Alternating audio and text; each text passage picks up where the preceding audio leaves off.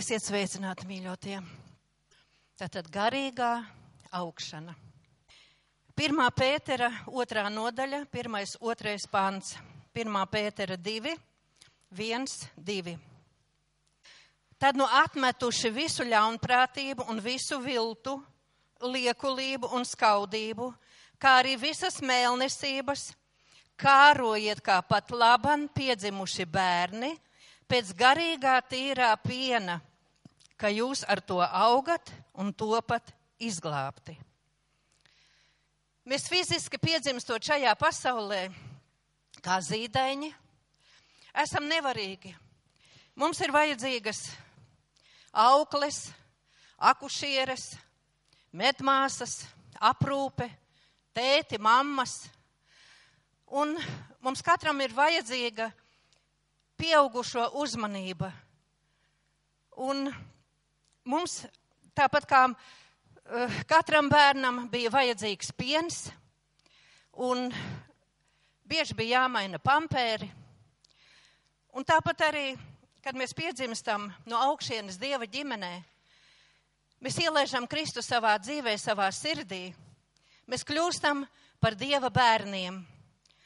Un sākam apgūt garīgos dieva principus, dieva likumus. Mēs kopā ar Svēto garu cenšamies atmest veco dabu, vecos pieradumus, kārības, kaislības, grēcīgo dzīvesveidu un izturēšanos. Dievs maina mūsu domāšanu, mēs sākam pieaugt un saprast arvien vairāk Dieva nodomus, Dieva ceļus, viņu pašu, kāda ir viņa sirds, kāds ir mūsu debesu tēvs. Un Dieva vārds mūs mudina, kā šeit rakstīts, atmest visāda veida ļaunumu, pilnīgi visu viltu, liekulību, mēlnesību, jo tā nav Dieva daba. Un kā lai tas notiek? Te tālāk ir paskaidrots piegrož, piegriežoties Dieva vārdam, šeit tik teikts, kārojiet. Tas nozīmē augstiet, stipri vēlaties, ļoti gribiet, tāpat kā zīdainis. Viņš nevar iztikt bez mātes piena. Dzīvojiet šajā pirmajā dedzībā, vajadzībā pēc viņa paša, kas ir labākā kārošana visā pasaulē. Tas, kas ir no viņa tīrais piens. Tas nozīmē neatšķaidīts, barojošs, pilnvērtīgs, kas apgaismo mūsu sirdis, mūsu prātus un pārmaina mūsu iekšējo cilvēku iekšējo domāšanu. Un šajā ziņā mums ir ļoti labs paraugs mūsu mazā Sofija. Tad, kad Egija kādu retu reizi atbrauc uz mājas grupu un mazo Sofija atstāja tētim un brāli mājās, tad drīz vien atskan zvans, brauc ātri mājās, jo mēs vairs nevaram izturēt. Piena cisterna pazudusi kaut kur. Tā labākā, siltākā vieta bērnam, zīdainim, kur viņš jūt siltumu, aprūpi, mierinājumu, un viņš brēc, viņš kliedz, viņš dara visu, lai tikai mammu dabūtu atpakaļ. Un tā zīdainis pamazām pieaug, bērns sāk staigāt, un tagad jau viņš vēro apkārtni, viņš jau visu var izzināt, pētīt, eh, zināt gribas visu, un tad sāks tas brīnišķīgais kāpēcīšu laiks. Un šie neskaitāmie jautājumi tētim un mammai, kā tas un kā šis. Tāpat arī mēs, mīļie, tuvojoties Dievam, caur Dieva vārdu, saņemam arvien vairāk atklāsmes. Dievs mūs uzrunā, Viņš mums dod saprašanu. Un bieži vien ir tā, kad mēs varbūt varam teikt, ak, tā tas ir saprotams, kā es to agrāk varēju nesaprast. Tas atklājas, mums liekas vienkāršas lietas. Nezinu, cik reižu esam lasījuši, nezinu, cik reižu esam dzirdējuši, bet kad Dieva gars atklāja, tad tas kļūst tuvs, patīkams un tas mūs apgaismo. Tā tad nāk sirds atziņa. Un tas ir tāpat kā Jeremija izsaucās. Kad atskan tavs vārds, tad man tas ir par barību, par sirds līksmību un par brīnišķīgu svētlaimi. Un tāpat Dāvids saka, cik saldi man ir tavi vārdi, saldāki par medu manām lūpām. Tavs vārds ir mans kāju spīdeklis un gaišums uz maniem ceļiem. Es priecājos par tavu vārdu kā tāds, kad es ir saņēmis lielu kara laupījumu. Tātad visbrīnišķīgākais, vislielākais, varenākais, kas vien mūsu dzīvēs var būt, kad Dievs mūs personīgi uz, uzrunā, kad Viņš mums kaut ko parāda. Un pirmā Jāņa vēstulē otrajā nodaļā, no 12. līdz 14. pantam, ir ap, aprakstītas mūsu garīgās izaugsmes. Un tur ir minēti trīs izaugsmes pakāpes, trīs. Bērni, jaunekļi un tēvi. Un tur ir rakstīts, es rakstu jums bērniņi, jo grēki jums ir viņa vārda dēļ piedoti. Tas nozīmē, kad svētais gars mūs uzrunā, kad mēs saprotam, kā ir teikts, Jēzus teica, nāks svētais gars, un viņš atklās mums, uzrādīs grēku, taisnību un tiesu, un grēku galveno, jo tie netic man. Tātad mūsu dzīvēs lielākais grēks ir bijis, un arī var būt tas, ka mēs neticam Jēzus Kristus nopelnam pie krusta, tam, ko viņš ir izdarījis mūsu labā. Bet kad, kad mēs saprotam, ka Dieva gars mums to atklāja, ka mēs ielaižam Jēzu savā sirdī un savā dzīvē, mēs kļūstam par Dieva bērniem. Mēs ienākam Dieva gaismā, Dieva ģimenē, un tagad Dievs sāk mūs mācīt, vadīt un rādīt savas valstības ceļus un noteikumus. Nākošā pakāpe ir rakstīts, es rakstu jums jaunekļi, jo jūs esat stipri. Tātad ir jau kaut kāds stiprums, ir garīga pieredze, Dieva vārds paliek jūsos, Dieva vārds ir ielaists sirdī, ielaists saprašanā, ir saknes jau iedziļinājušās Kristū, un ir jau kāda saprašana un atziņa. Un rakstīts ir, jūs ļauno esat uzvarējuši. Tas nozīmē, ka ir savienība ar svēto garu, svētā gara spēkā ir jau iespēja uz, uzvarēt grēku, ļaunumu, miesīgās izpausmes. Tātad ir jau zināma garīgā pakāpe. Un nākošā ir, ir rakstīts, es rakstu jums tēvi, jo jūs esat atzinuši to, kas ir no sākuma. Tātad pašu Dievu, iepazinuši viņu tuvu. Ir zināms briedums, ir jau izveidojušās ciešas sadraudzības attiecības, ir iziet cauri kādiem pārbaudījumiem, kādām vētrām, kādiem viļņiem. Ir Dievs atklājies personīgi ir saņemtas atklāsmes par Dieva paša varenību, par viņa mīlestību, par viņa sadraudzību, par viņa uzticamību. Un tas ir tas, ka ar vien vairāk mēs tuvojamies Dievam pašam, viņa atziņā un viņa sapratnē. Un tagad mēs paskatīsimies Rutes grāmatu. Un Rutes grāmata ir sarakstīta tajā laikā, kad Izrēlā nebija ķēniņi, bet bija soģi. Un rakstīts, ka ik viens tajā laikā darīja to, kas viņam likās pareizs. Tas, kas ir cilvēcīgs, un bieži vien, protams, tas bija grēcīgs un netaisns Dieva acīs. Un tādā veidā, kad Izraels atkāpās no Dieva, viņš pazaudēja arī Dieva svētību un Dieva labvēlību un izcēlās batstanī laikā. Un Bētlemē, kas tulkojumā nozīmē maizes klēts, arī izbeidzās barība, izbeidzās apgāde. Un kāds vīrs, Elimehs, ar savu sievu Naumiju un diviem dēliem dodas uz pagānu Moāba zemi, meklē tur sev iztiku. Un tā zemē viņi dzīvo desmit gadus Un desmit gadu laikā nomirst viņas vīrs un nomirst arī abi divi dēli. Un paliek divas vedeklas.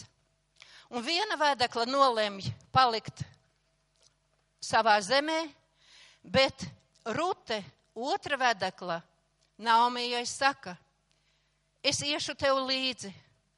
Tavs dievs būs mans dievs, un tava tauta būs mana tauta. Un tā viņas abas divas ir dzirdējušas, ka Dieva svētība ir atgriezusies atpakaļ Izrēlā, un Rute kopā ar Naumiju nolemi atgriezties atpakaļ. Un tā viņas nonāk Bētlemē miežu pļaujas laika sākumā. Parasti tas ir aprīļa beigās.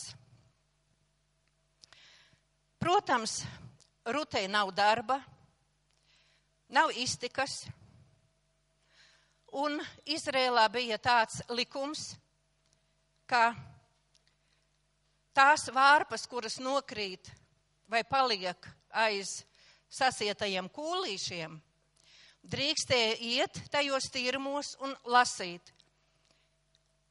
Atraitnes, bāreņi, svešinieki un tie, kam bija vajadzības. Tikai vajadzēja saņemt no tā tīruma īpašnieka atļauju. Un tā rute nonāk bosa tīrumā.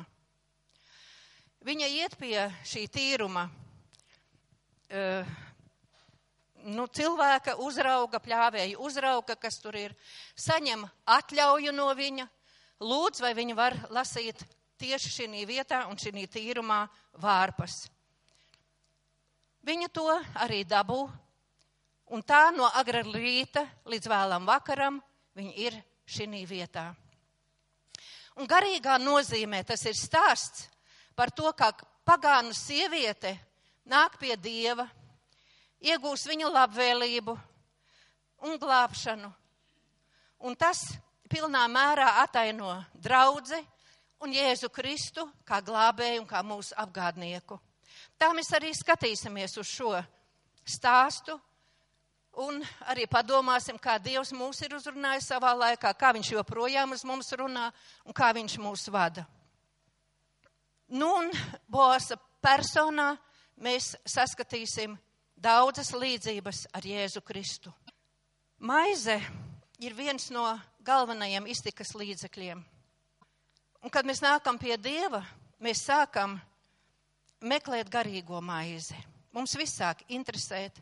Mēs nonākam draudzē, mēs satiekam kalpotājus šeit, māsas un brāļus, caur kuriem Dievs mūs uzrunā, palīdz ienākt draudzē. Mēs satiekam strādniekus dieva tīrumā, pļāvējus, var teikt, un sējējus. Un mēs saņemam dieva vārda skaidrošanu, mēs mācāmies visi kopā, mēs pieaugam šajā vietā. Un šeit arī Kristus daudzkārt mūs uzrunā. Tāpat kā Ruti. Tātad Ruta bija saņēmusi atļauju lasīt šī bosa tīrumā šīs vārpas.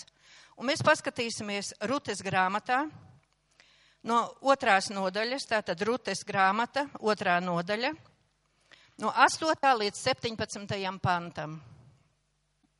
Rutes 2, no 8 līdz 17. Nāk bos šīs, šī tīruma īpašnieks, un viņš no šī pļāvēja uzrauga ir saņēmis atzinīgus vārdus par Ruti, ka viņa ir ļoti čakla, ļoti godīga, ka viņa vārpas lasa tikai šī tīrumā, ka viņa neiet nekur citur projām. Un tagad nāk bos un pats uzrunā Ruti. Astotajā pantā. Tad bos sacīja Rutē, uzklausies mana meita, Nē, lasīt vārpas cita tīrumā, nē, arī prom no šejienes, bet turies pie manām kalponēm. Viņš jau Ruti sauc par savu meitu. Tas nozīmē, ka Rutei sirds ir pilnīgi atvērta. Viņu jau sauc par savējo. Nē, prom no šī tīruma, jo šī vietā šeit ir īstā maizes klēts, šeit ir īstais patiesais Dieva vārds, šeit ir Dieva svētība un Dieva labvēlība. Un tieši šajā vietā ir atvērtas Dieva acis augu dienu, dienām un naktīm. Paliec šī vietā, un tu tiksi svētīta. Turies pie manām kalponēm. Tas nozīmē pie tiem, kas jau ir izlēmuši sekot debesu bosam, kas jau ir uh, nolēmuši kalpot un palikt un izpatikt tikai viņam. Paliec tajā vietā. Un devītajā pantā tālāk. Tavas acis, lai ir vērstas uz šo tīrumu, kuru manas kalpones pļauj, seko viņām. Tātad seko tām kalponiem, tiem kalpotājiem, kuri jau ir iemācījušies lasīt Dieva vārdu, pielietot viņu, sekot Dievam, saprast to un pielietot savā dzīvē. Un es esmu piekodinājis puišiem tevi neaiztikt. Tas nozīmē, ka tajā vietā tiek nodrošināta pilnīga drošība un aizsardzība. Un kad tu esi izslāpusi, ej pie traukiem un dzer no tā, ko puiši ir smēluši. Tātad baudi šo ūdeni bez maksas, nāc pie dzīvības avota, Tas nozīmē, ka kalpotāji jau ir izsvēluši, viņi ir saņēmuši no svētā gara šo dzīvo maizi, dzīvo ūdeni. Un to arī var nākt, remdēt savas lāpes, savu izsalkumu, savu neziņu, savus jautājumus apmierināt un dabūt atbildes uz saviem iekšējiem jautājumiem, kas tev ir. Un tāpēc Jēzus saka, es esmu dzīvības maize. Kas pie manis nāks, tas nesalks, un tam neslāps, kas tic man, tam neslāps nemūžam. Nāc, baudi un dzer. Dieva galds un dieva tīrums ir atvērts. Desmitajā pantā. Tad viņa krita uz sava vaiga, liekdamās līdz zemei, un sacīja viņam: Kā es esmu atradusi labvēlību tavās acīs, ka tu mani ievēro, es taču esmu svešiniece Es taču esmu grēcīga, nākus no pagānu tautas. Kā tu mani tādu labvēlīgi uzlūko? Tā ir viņas sajūsma. Tā ir viņas sirds dedzība, ka viņa tiek pieņemta, ka viņa pieņemta tāda, kāda viņa ir. Kad mēs atnākam pie Jēzus, kā pie sava glābēja, Dievs mūs uzņem savā ģimenē. Un caur Jēzu Kristu, kad mēs atzīstam viņa dēlu, mēs tiekam pieņemti Un viņš skatās uz mums ar labvēlību. Bet Bosts atbildēja un sacīja viņai: Man ir atstāstīts jūs sīki, viss, ko tu esi laba darījis savai vīra mātei pēc viņas vīra nāves. Un tu esi atstājusi savu tēvu, savu māti un savu dzimto zemi. Un esi gājusi pie tautas, ko iepriekš neesi pazinusi. Un šeit es gribu teikt tos vārdus, kas kādam noteikti būs par stiprinājumu, to, ko Jēzus teica. Un Jēzus teica tā, patiesi, patiesi, es jums saku, neviena nav, nav neviena, kas atstājis namu, brāļus, māsas, māti, tēvu, bērnus, tīrumus, manis un evaņģēlī dēļ. Tas nozīmē, kas netur tos vērtīgākus par pašu Dievu par pašu radītāju, kas viņus neizveido par elkiem savā dzīvē, bet uztic viņus Dieva aizsardzībai, Dieva vadībai, Dieva glābšanai, lai sirds ir brīva priekš viņa paša, kā šodien dzirdējām liecību. Tāds tos dabū jau simtkārtīgi šī laikā, tas tos dabū jau simtkārtīgi šī laikā un nākošajā laikā mūžīgo dzīvību. To varat izrasīt, izlasīt mājās Marka 10. nodaļā, 29. 30. pantā. Tas nozīmē, lai sirds ir pilnīga brīva, atdodam savas nastas, savus mīļotos Dievam, un Dievs darīs. Dievs noteikti, noteikti darīs. Tas nozīmē skatīties uz Jēzu, uz viņu pašu, un Dievs izglābs arī mūsu tuviniekus. 12. pantā. Tas kungs, lai atmaksā tev tavu labo darbu, un tava alga, lai ir pilnīga no viņa. Izrēla dieva, zem kuras pārniem tu esi nākusi meklēt patvērumu. Tas nozīmē, lai personīgi mēs katrs viens varētu teikt no visa sava sirds, mans patvērums, mans dievs, mans glābējs, mans mīļotais tēvs. Uz ko, ko es paļaujos? Un lielākā alga, lielākais brīnišķīgais saldums ir tad, kad mēs jūtam šo Dieva labvēlību un Viņa klātbūtni. Nav nekā brīnišķīgāk, ka mēs sajūtam, ka Dievs ir ar mani un es esmu ar viņu, ka Viņš ir manī un mēs esam Viņā. Tā ir lielākā mūsu vērtība.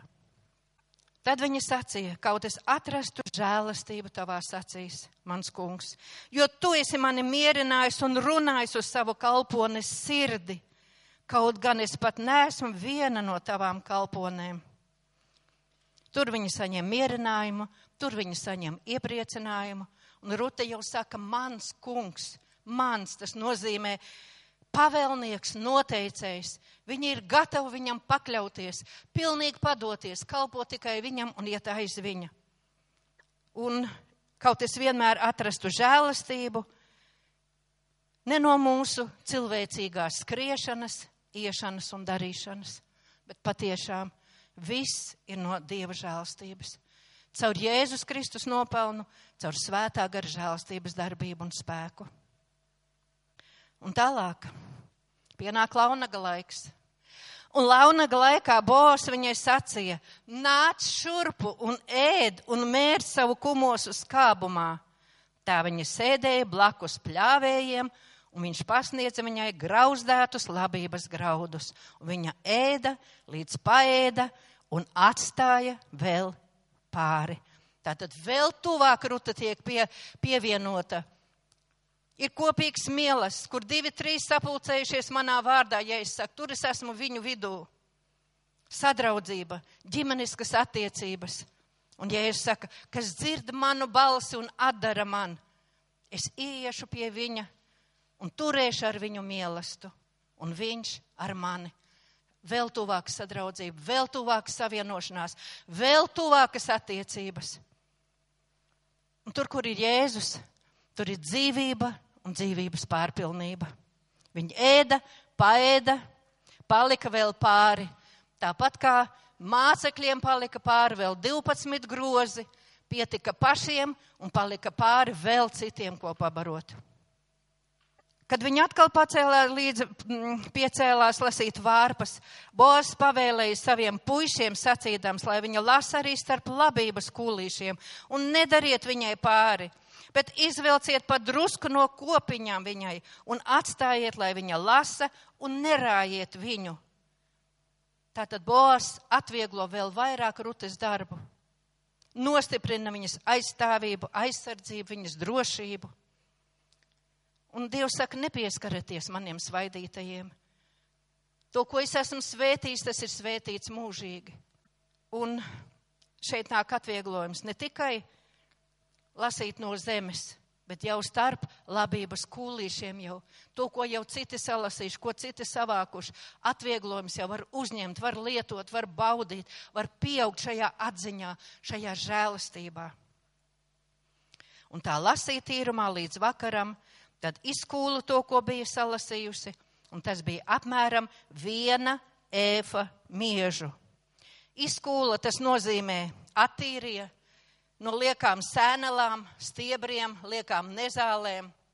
Un Dieva vārds arī saka, labo paturiet, bet slikto nederīgo atstājiet. Un viena ēfa, eh, šis daudzums ir laiku gaitā dažādi mainījies apmēram no 22 litriem līdz 36 litriem, kā kurā vietā ir rakstīts. Katrā ziņā, lai kā tas nebūtu, tas ir liels daudzums, liels iegūms, liela vērtība tiek iedota. Un ar visu to salasīto Rute dodas pie vīramātes.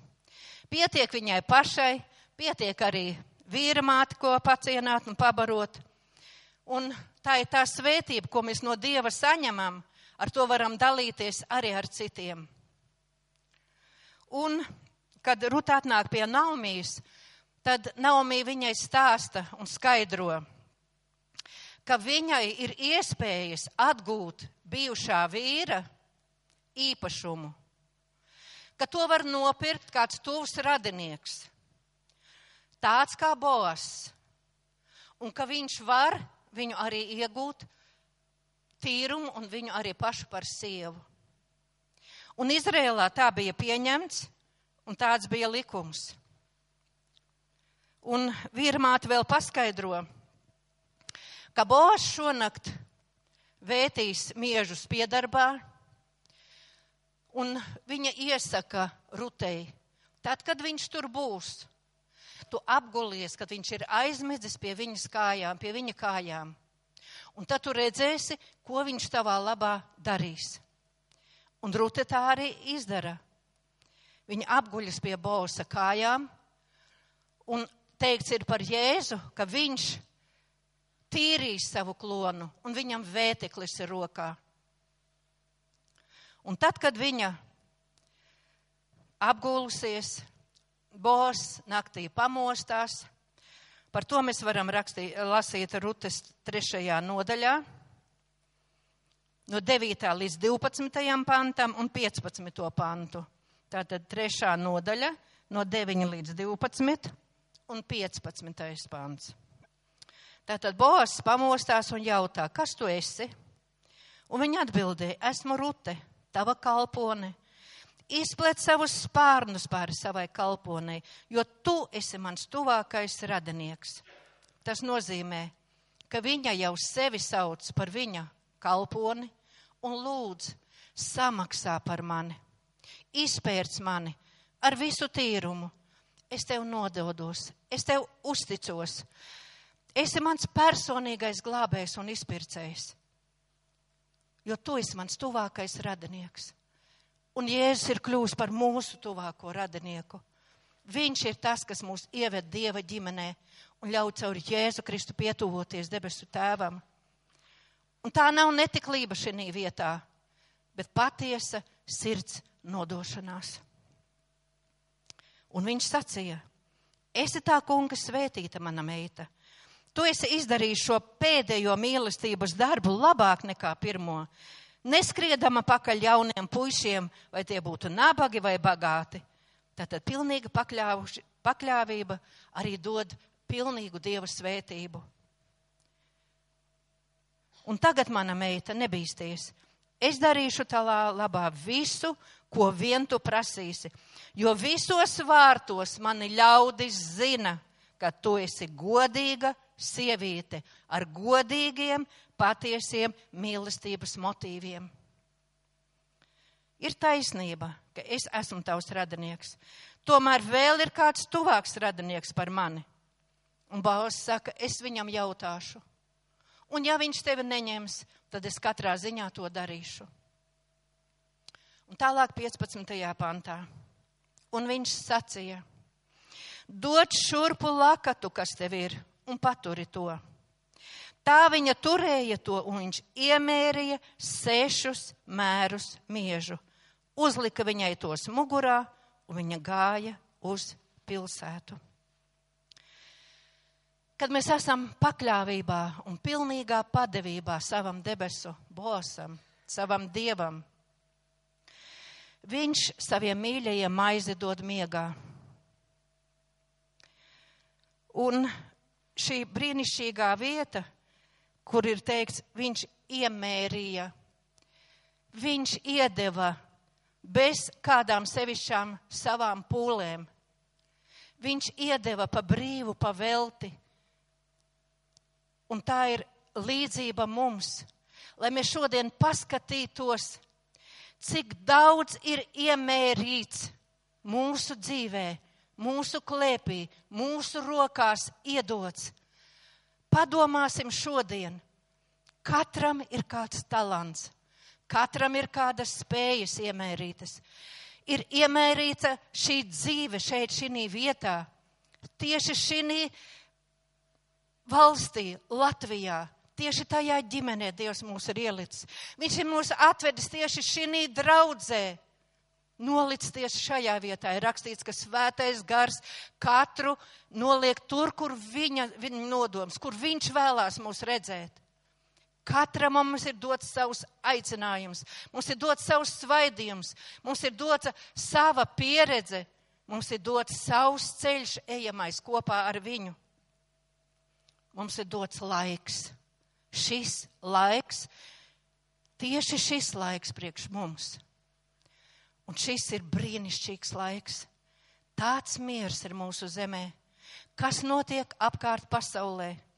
ka Dievs mūs sargā, kā tādas apsardzības kupola mūs ir žēlstības ielicis, lai mēs varētu kopā ar viņu pieaugt, lai mēs varētu kopā iepazīt viņu, viņas valstību, sakrāt tos kviešu graudus savos apcirkņos, viņa vārdu, viņa gara dzīvību, to visu, kas nāk no viņa.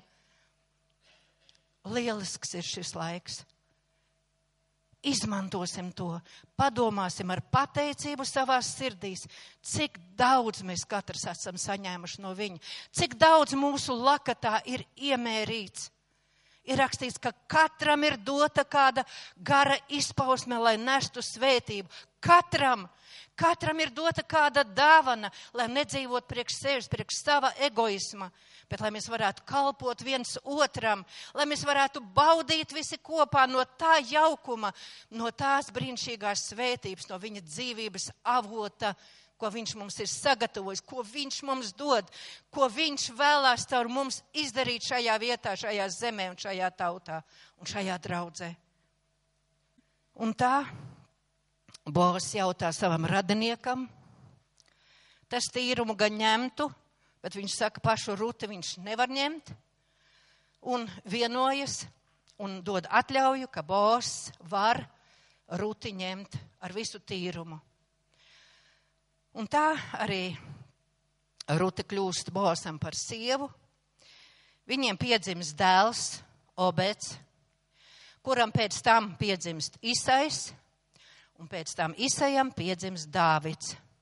Un tādā veidā Rute kļūst par vec, vecmāmiņu Dāvidam. Un tā ir tā līnija, caur kuru tālāk nāk Mesija Jēzus Kristus. Un tagad nedaudz parunāsim, kādi tad ir mūsu garīgās izaugsmes galvenie traucēkļi. Es nosaukšu dažas lietas tikai. Pirmā no tām lietām ir mūsu garībā, garīgā lepnība. Es jau visu zinu, ko jaunu kāds man var pateikt.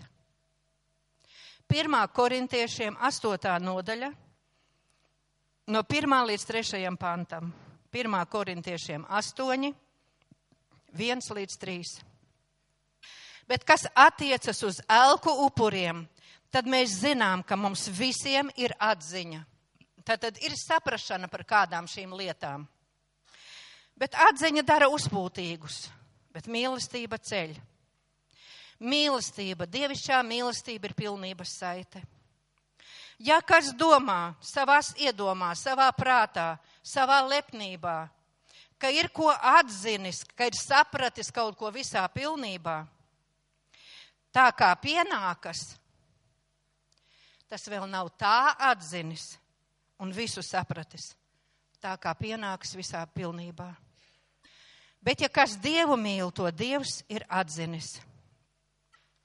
Mums ir vienmēr mīļie pēc kā tiekties. Mēs nekad nevaram savu sirdis un prātus tā apcietināt, ka mēs jau visu zinām, ka es jau esmu tik pieaudzis, ka man neko vairs nevajag. Jo mums visiem ir jātiecās uz mīlestības garīgā augļa brieduma mūsu dzīvēm. Un tāpēc ir teikts korintiešiem, ka, ja mums pat ir vislielākās dāvanas, mums var būt, zināt, mēs varam visus noslēpumus, mums var ticība būt liela un pilnīga. Un vienalga, Dievs saka, tad mēs neesam nekas, ja mums nav dievišķās gara agapes mīlestības mūsu dzīvēs. Un tā ir tā rakstura un sirds izmaiņa, caur kuru tikai var nākt šie garīgie augļi no gara, no viņa dievišķās dabas. Un tāpēc Dievs Izraēļus jau tad brīdināja caur mūzu, lai tad, kad tu būsi ēdis un paēdis, sev uzcēlis namus, kad viss būs pie tevis vairojies un pie tevis krājies, tad lai tava sirds nelepojas un tu neaizmirsti to kungu, savu dievu, ka no viņa ir tas viss, kas nāk tavā dzīvē. Ka viņš ir avots visam, un ka tas nav nekas no mūsu pašu nopelniem vai mūsu iešanas vai skriešanas. Mums tikai jāsaņem to, ko Dievs mums ir sagatavojis, un garīgi jāpieaug un jāizmanto. Nākošā lieta - mūsu sirds stāvoklis. Mēs visi zinām līdzību par sējēju. Mēs nelasīsim, es vienkārši atgādināšu, ka Dieva vārda sēkla krīt, viņa ir dzīva, viņa ir uzrunājoša. Bet lieta ir mūsu sirds augsnē, mūsu sirds attieksmē. Un atceramies, ka šī sēkla, Dieva vārds, pirmām kārtām viņš krīt ceļmalā. Un ceļmalā parasti zeme ir cieta, tā ir nostaigāta, noplicināta, un tas liecina par apcietinātu sirdi. Ka šī sirds viņa nevar uzņemt Dieva vārdu tikai nedaudz tic un nāk putni, nāk ienaidnieks un sātans nozog šo vārdu no mūsu dzīvēm un no mūsu sirdīm. Tātad ir kaut kas sirdī tāds apcietināts, ka Dieva vārda sēkla nevar iespiesties un nest sa sa saknes. Nākošā augsne, tā ir mūsu sirds augsme, tā ir akmeņaina. Un akmeņaina tas nozīmē, ka ir maz zemes, maz vietas, kur sēklai uzdīgt. Un tad, kad viņa knapi uzdīkst, viņa sakalst. Un tas ir teikts par pirmajām grūtībām, vajāšanām, kad negribas iet cauri, atkrīt no dieva, sāk dievu vainot, sāk apcietināt savu sirdi. Nepastāvīgs, bēdas un vajāšanas atnāk, un negribas iet viņām cauri kopā ar dievu, pastāvēt tajā, un vienkārši cilvēks atkrīt un negrib iet cauri mazu brīdi tic, bet pārbaudīšanas laikā atkāpjas. Nākošā sirds augsne ir ērkšķos, ērkšķos sētā sēkla. Ēršķi uzaug, pārņem šo sēklu un nevar bagātīgu ražu un bagātīgu um, dzinumu izveidot. Un tur ir teikts, ka šīs pasaules zūdīšanās, bagātības viltība, novārds rūpes, raizes, dzird, iegrimst rūpēs, bagātībā, pasaules kārībās, un līdz ar to šis vārds noslāpst.